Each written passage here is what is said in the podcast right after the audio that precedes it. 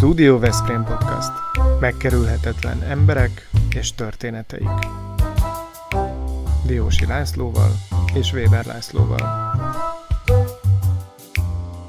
Mi tényleg a valóságról beszélgetünk. Kedves nézőink és hallgatóink, köszöntjük Önöket.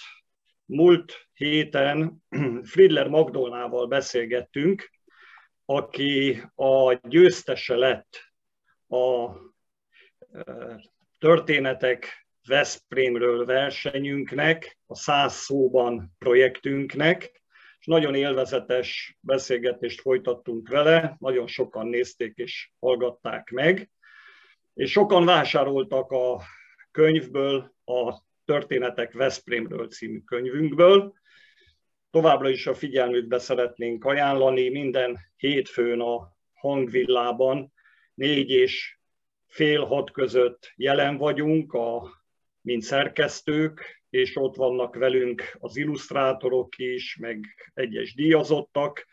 Beszélgetést is lehet folytatni, illusztrálni a könyvüket, Úgyhogy minden lehetőség adott ahhoz, hogy minél többet tudjanak meg erről a száz szóban pályázatunkról. Ma Barcsik Tamással beszélgetünk. Szervusz Tamás, üdvözlünk téged a műsorunkban. Szervusztok!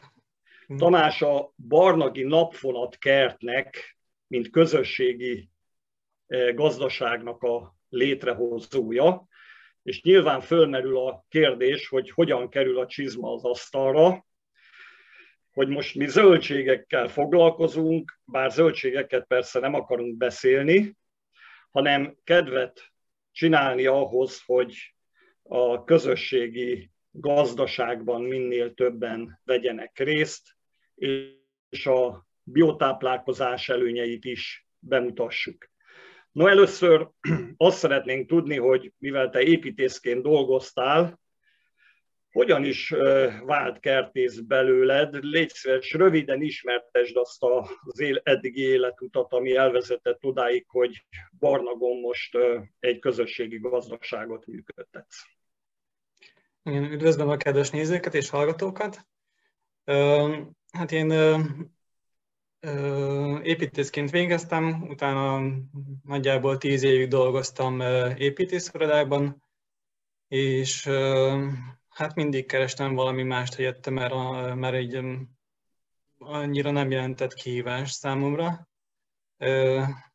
Ez pedig úgy gondolják az emberek, hogy ez egy kreatív feladat vagy munkakör egy építészé. Hát én nem tudtam ezt kiteljesedni, és ezért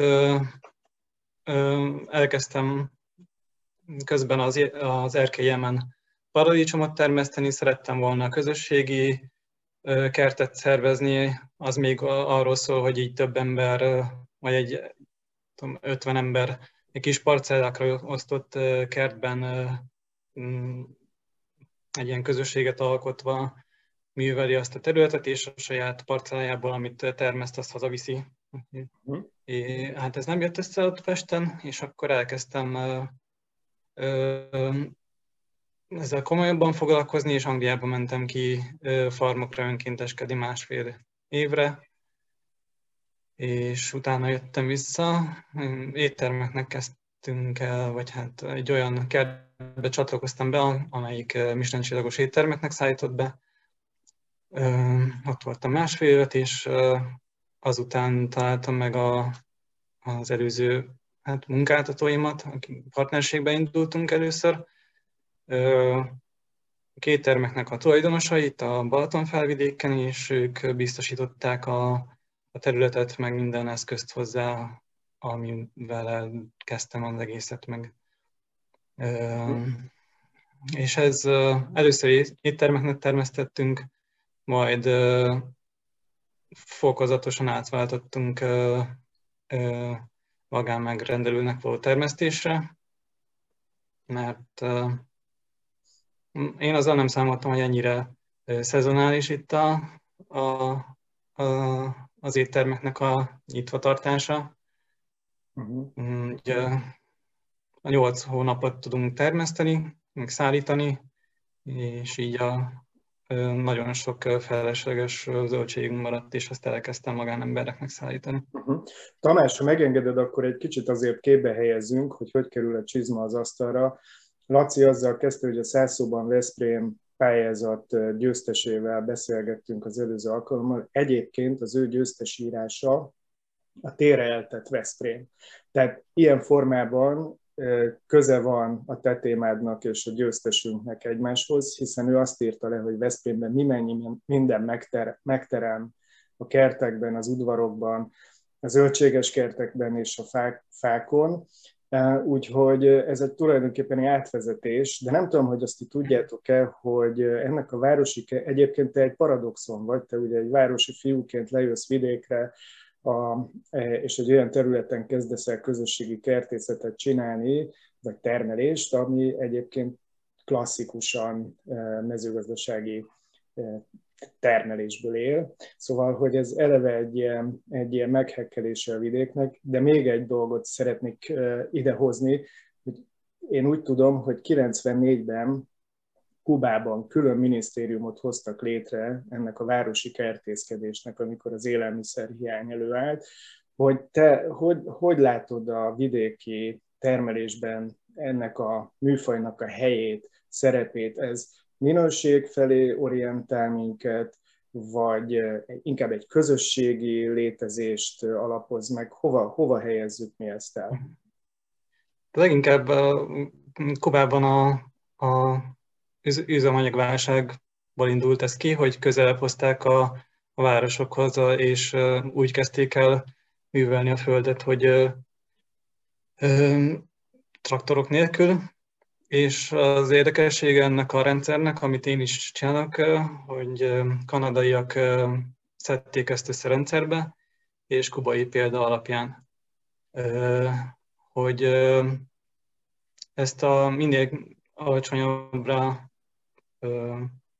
hát a földet így nem mozgatjuk igazából, nem szántunk, nem, nem ásunk, és ezért a gépesített művelésnek nagyon nincsen helye benne, segít azért, hogyha van mondjuk egy ilyen kis egytenges traktor, vagy egy kisebb nyomtávú traktor, komposztot hordani, meg ilyesminkre, de alapvetően nem forgatjuk a talajt.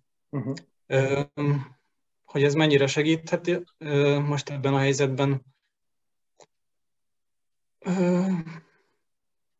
Jó kérdés, mert igazából mi nem gondolom azt, hogy, hogy, hogy, hogy ez a kert megoldja azoknak a családoknak is a, a teljes zöldség ellátását, sok dolgot nem termesztünk, csak az olyan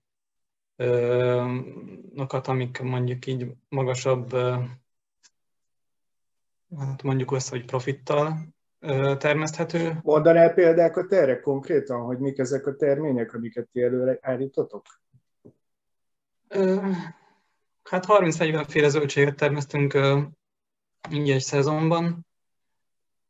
Mm, de amit mondjuk gépesítve meg tudnak csinálni a nagyobb mezőgazdasági vállalkozások, azt, azt nem érdemes termeszteni, mert azt a nagy mennyiségben ők elő tudják állítani, és nagyon olcsón. Uh-huh. Uh-huh. Viszont kézi erővel, főleg ilyen salátaféléket, gyökérzöldségeket is, bár az is elég nehézkes így kézi munkával, vagy kézi erővel megtermeszteni, meg olyan növényeket, amik sokáig foglalnak sok helyet, és csak egyszer lehet őket szedni, azokat nem nagyon termesztünk, például a krumpli, uh-huh. vagy brokkoli, vagy uh-huh.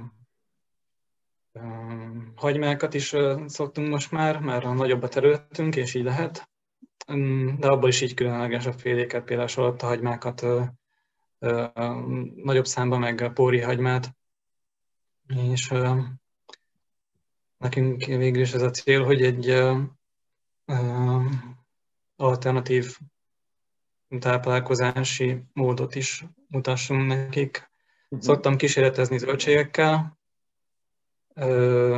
mint olyat, amit nem is lehet kapni, vagy um, Mondj egy ilyen zöldséget, hogy mi, a, mi, mi az, ami a kísérleti alanyod, amit én nem kaphatok meg egyébként a piacon. Ami, amiket így nagyon, is, nagyon szeretnek, bár az most idén nem lesz, mert nagyon kicsire nő és lassan nőtt meg, a lila kínai kell.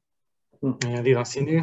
Főleg ilyen színes növények, amik, amiket így szoktam kísérletezni. Vannak dajkonretkek, azok ilyen olyan, mint a jégcsap dajkonretek, Aha. ez ilyen olyan, mint a jégcsapretek, csak ilyen nagyon szép lila a belseje, hogyha fölvágja az ember, és van amelyik ilyen görög dinnyereteknek hívják, de ahogy angolul, az meg zöld kívül, és piros belül, és így nagyon, az is nagyon érdekes. Meg színes répák vannak, és színes céklák, amik érdekesek, meg, meg koktélparadicsomokból van több színű.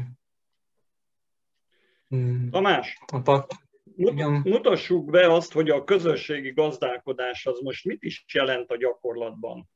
Ha én jól tudom, akkor voltak éppen kvázi leszerződnek veletek azok, akik időközönként hetente, két hetente vagy havonta kapnak egy valamiféle csomagot, vagy dobozt, és abban az aktuális zöldségek találhatók, tehát nem megrendelni lehet a zöldségeket előre konkrétan fajtánként, és a vevők azok pedig ugye arra vállalkoznak, hogy a ti szállításotok mellett ezt egy ideig folyamatosan meg is vásárolják nem tudom, hogy jól mondtam-e föl a leckét, valami ilyesmi ez a közösségi gazdasági szisztéma.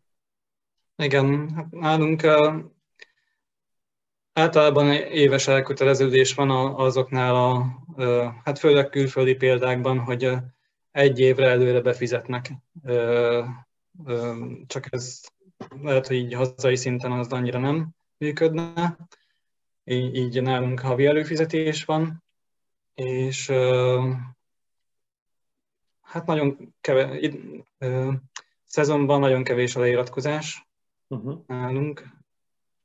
Inkább azt szokott lenni, hogy a, amikor a következő szezonban mondjuk egy ilyen csak a 80-90 százalék iratkozik vissza, és akkor tudunk mégis új tagokat fölvenni. És hetente szállítunk ilyen 6-tól ilyen 10 féle zöldséget nekik, ami éppen terem uh-huh. a kertben, és, és még fűszerekből lehet választani, tizen valahány fűszer közül lehet választani. Tamás, és annyiban is uh, igaz ez, hogy közösségi, hogy például én, ha megrendelővé válok, akkor én mehetek és dolgozhatok veletek? Tehát én is dolgozhatok azon a területen, és a saját növényeimen, meg a másokén is? Nem, uh-huh. ezt az egészet én menedzselem, vagy vezetem. Uh-huh. Szokott lenni olyan, hogy a tagok eljönnek és önkéntes munkával, így jó várjuk így mondjuk egy-két zöldségdoboz nekik, de nagyon ritkán fordul uh-huh. elő. Hát amúgy meg még szokott lenni ilyen éves találkozónk, hogy mindenki ilyen nyílt nap, amikor mindenki jött és megnézheti a kertet, de úgy meg minden héten kap mindenki hírlevelet, amiben megmutatjuk, hogy mi történik a kertben, és, és, és akkor mondom el nekik, hogy mi lesz szépen a, az a, a heti dobozban, meg ilyen további ilyen információkat osztok meg velük, hogy, hogy éppen mi történik. Uh-huh. Nekem egy nagyon kedves ismerősöm hívta fel a figyelmet arra, hogy kapja ezt a csomagot folyamatosan, és nagyon-nagyon jó minőségű a termék. És hát kérdeztem, hogy akkor hol lehet jelentkezni. Hát azt mondták, hogy ez egy ilyen kihalásos alapon működik, gyakorlatilag írtózatosan sokan vannak a váró listán, és nem igen lehet felkerülni listára. Úgyhogy csak akkor van esély erre, hogyha majd valamiféle komoly bővülés mutatkozik, vagy lehetőség nyílik egy expanzióra. De hogy látod így a jövőt? Évek óta ideiglenes körülmények között dolgozunk, és, és nem elég a terület sem hozzá, hogy, hogy hatékonyan tudjuk használni. Ezért most keresek új területet a környéken. A, Hát százan vannak most körülbelül a várólistánkon, akik már nem tudom, két éve feliratkoztak a várólistára, és azóta igazából várnak rá. Mhm. Most 80 egységnyi csomagot szállítunk ki, ami 65 családot jelent.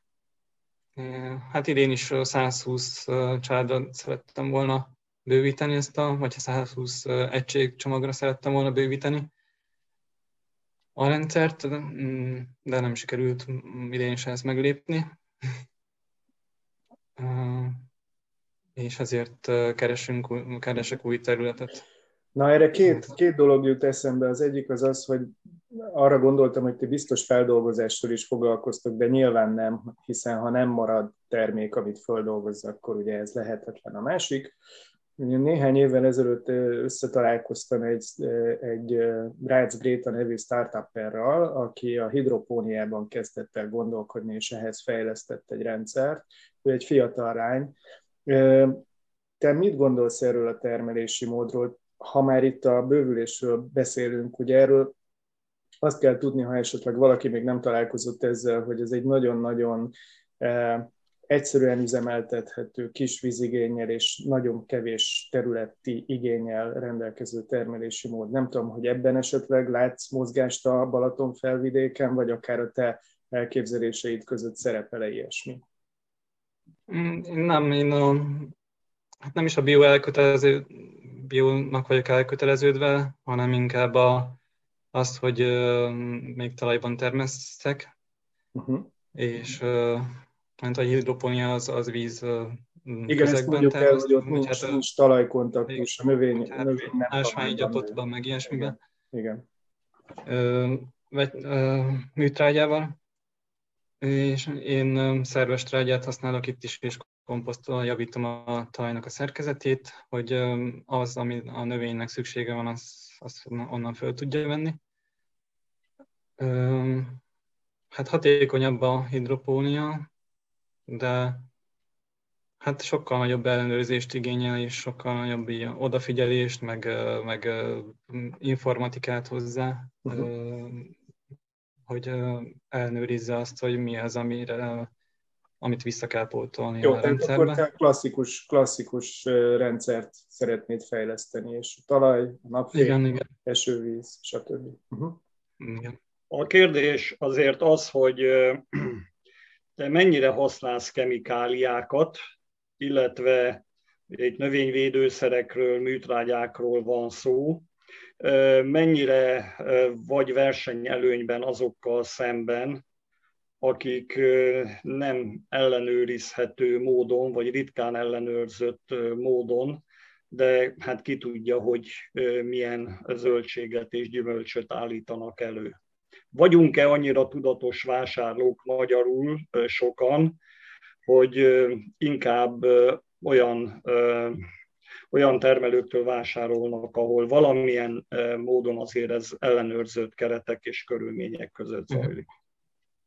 Van egy ö, ö, növényorvos, akinek a tanácsait követem, aki ö, bioszereket ö, használatában segítségemre van, és főleg a megelőzésre fordítjuk a hangsúlyt, hogy rovarhálókkal takarjuk a, azokat a növényeket, amiket mondjuk most például támadnának a, a káposztagyökérlégy, vagy a hagymalégy, vagy répalégy, meg mm, meg a földi borhák, bár földi, földi borhák ellen nem tudunk nyáron védekezni, mert annyian vannak, hogy letarolnának minden káposztafélénket, ezért nyáron nem is termesztünk, és, és igazából majd augusztus vége fele tudunk újból ültetni, és azért is nincsenek káposztáink, mert az addig nem nőne meg, kínai kell, az kivétel, mert az gyorsan nő viszonylag. Ennek a pakcsoly, és ezek így életbe tudnak maradni. Uh-huh. Um, mert nekem van egy veszőparipám az, hogy hát egyébként én is növényorvos vagyok, vagyis legalábbis az első diplomám az az volt, hogy amikor a piacon vásárol az ember zöldséget, gyümölcsöt, akkor természetesen azt elvileg ellenőrzött körülmények között kell értékesíteni, vagyis permetezési naplót kell vezetni, de manapság hol van az az állami hivatal, amelyik folyamatosan szermaradvány vizsgálatokat végez a különböző termelőknél. Hát erre sincsen, mint ahogy sok mindenre nincsen pénz. És ezért én azt gondolom, hogy ott, ahol valamennyire biztos lehet az ember abban, hogy nincsen esetleg szermaradvány vagy növényvédőszer probléma, ott jobb vásárolni, még hogyha nettán többe is kerül. Mit gondolsz erről?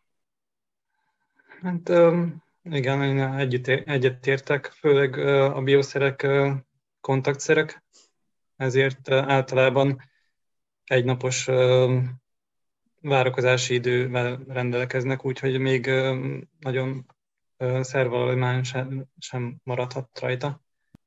Az eső lemossa meg UV-re bomlanak, ezért uh-huh. mondják azt mindig, hogy a, a bio, biósok éjszaka permeteznek, mert nem látja senki őket akkor. de, de ez nem így van, mert, mert hogy UV-ra bomlik meg, meg elpárolog, és akkor uh-huh. uh, semmi értelme nincsen az egésznek nem szívódik. Tamás, Tamás tudjuk a termékeidről, hogy ebből fakadóan biztos, hogy egészségesebbek. Na de mennyivel drágábbak? Össze tudjuk ezt vetni azzal a piaci árral, amit mondjuk megszoktunk, vagy ne adj Isten egy eh, multi áraival. A minőséget most eh, vegyük úgy, hogy azonos a minőség, ehhez képest a, az árak hogyan néznek ki.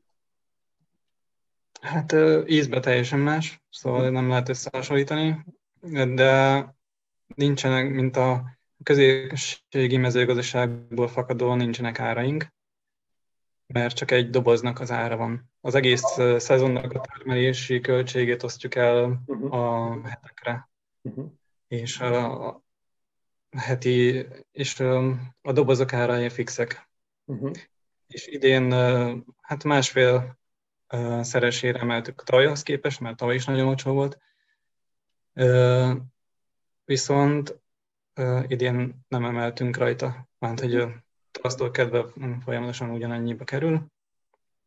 Um,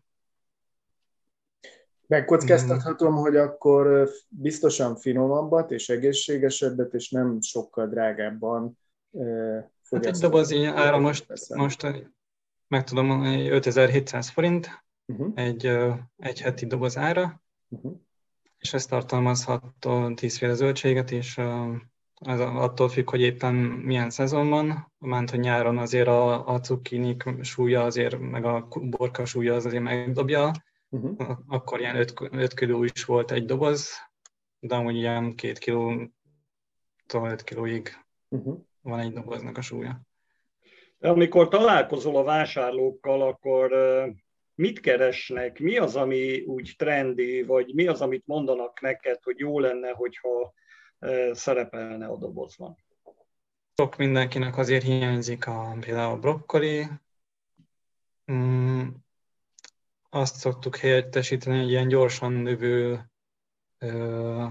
kis helyet foglaló brokkolival, ami, ami mondjuk egy majdnem egy ilyen bimbót nem ez csak, de így nincsen nagyon ö, ők megelégednek ezzel. Uh-huh.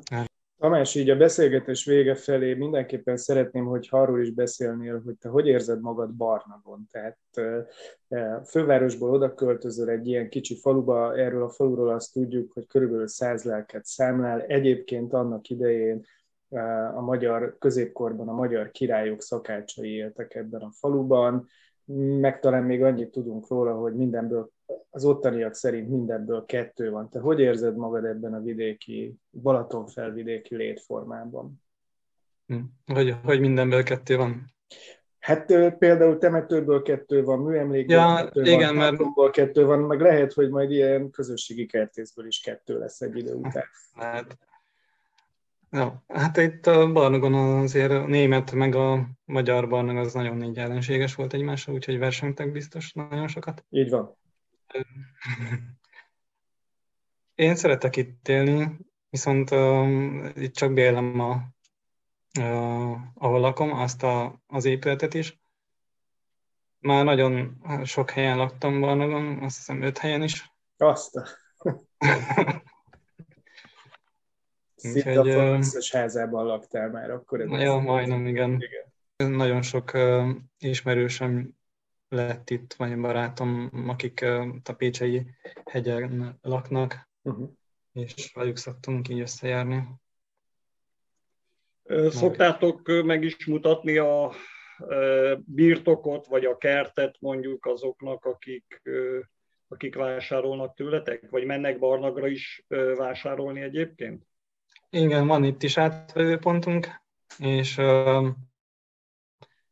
de úgy csak egyszer van egy napunk, és igazából nem is volt nagyon rá keresett, hogy, hogy máskor is meg tudják nézni. Néha szoktak jönni látogatóba, hogy aki szeretne zöldséget enni, az úgy is fog, és nem akarok senkit se rákényszeríteni. és vagy hát persze, inkább az, hogy ez egy helyi termék, és, és hogy ismerik, aki, aki termeszti. Uh-huh. Minden héten én adom át a zöldségeket, és akkor ott tudunk is beszélni már. Hát van nagy része, a, hát szerintem a fele a, a tagjainknak már az első évtől velünk van, úgyhogy az már, már negyedik éve. Inkább itt a lokalitáson van szerintem a hangsúly, hogy, hogy nem Spanyolországból érkezik, vagy Dél-Afrikából, és ez, van egy kis érdekessége ennek, hogy, hogy mivel azt adom, ami itt van a kertben, meg amit én gondolok, hogy termesztek, nagyjából, hogy vannak olyan dolgok is, amik, amiket úgy nem biztos, hogy megvenne az ember a boltban, és ez egy ilyen kicsit ilyen kreativitásra ösztönzi az embereket, hogy, hogy olyan zöldségekből is megtanuljanak főzni, amit, amit amúgy nem ismernek, vagy uh-huh. ilyen mennyiségben nem használnának fel. Uh-huh. De te, te főzöl is egyébként? Hát nincsen rá időm, de ebből indult ki az egész, hogy, hogy elkezdtem ilyen különlegesebb kajákat főzni még ott Pesten magamnak, és akkor, hogy az alapanyagok meglegyenek. Ez lett volna a cél de szeretnék ehhez visszatérni. Jó, hát éljenek a barnagi zöldségek, és főzzünk belőlük, vagy együtt nyersen, teljesen mindegy, jól járunk vele, én ezt most megtanultam. Köszönjük szépen! Köszönöm szépen! Köszönjük a beszélgetést! Ez a Studio Veszprém műsora volt. Hallgasson ránk minden pénteken!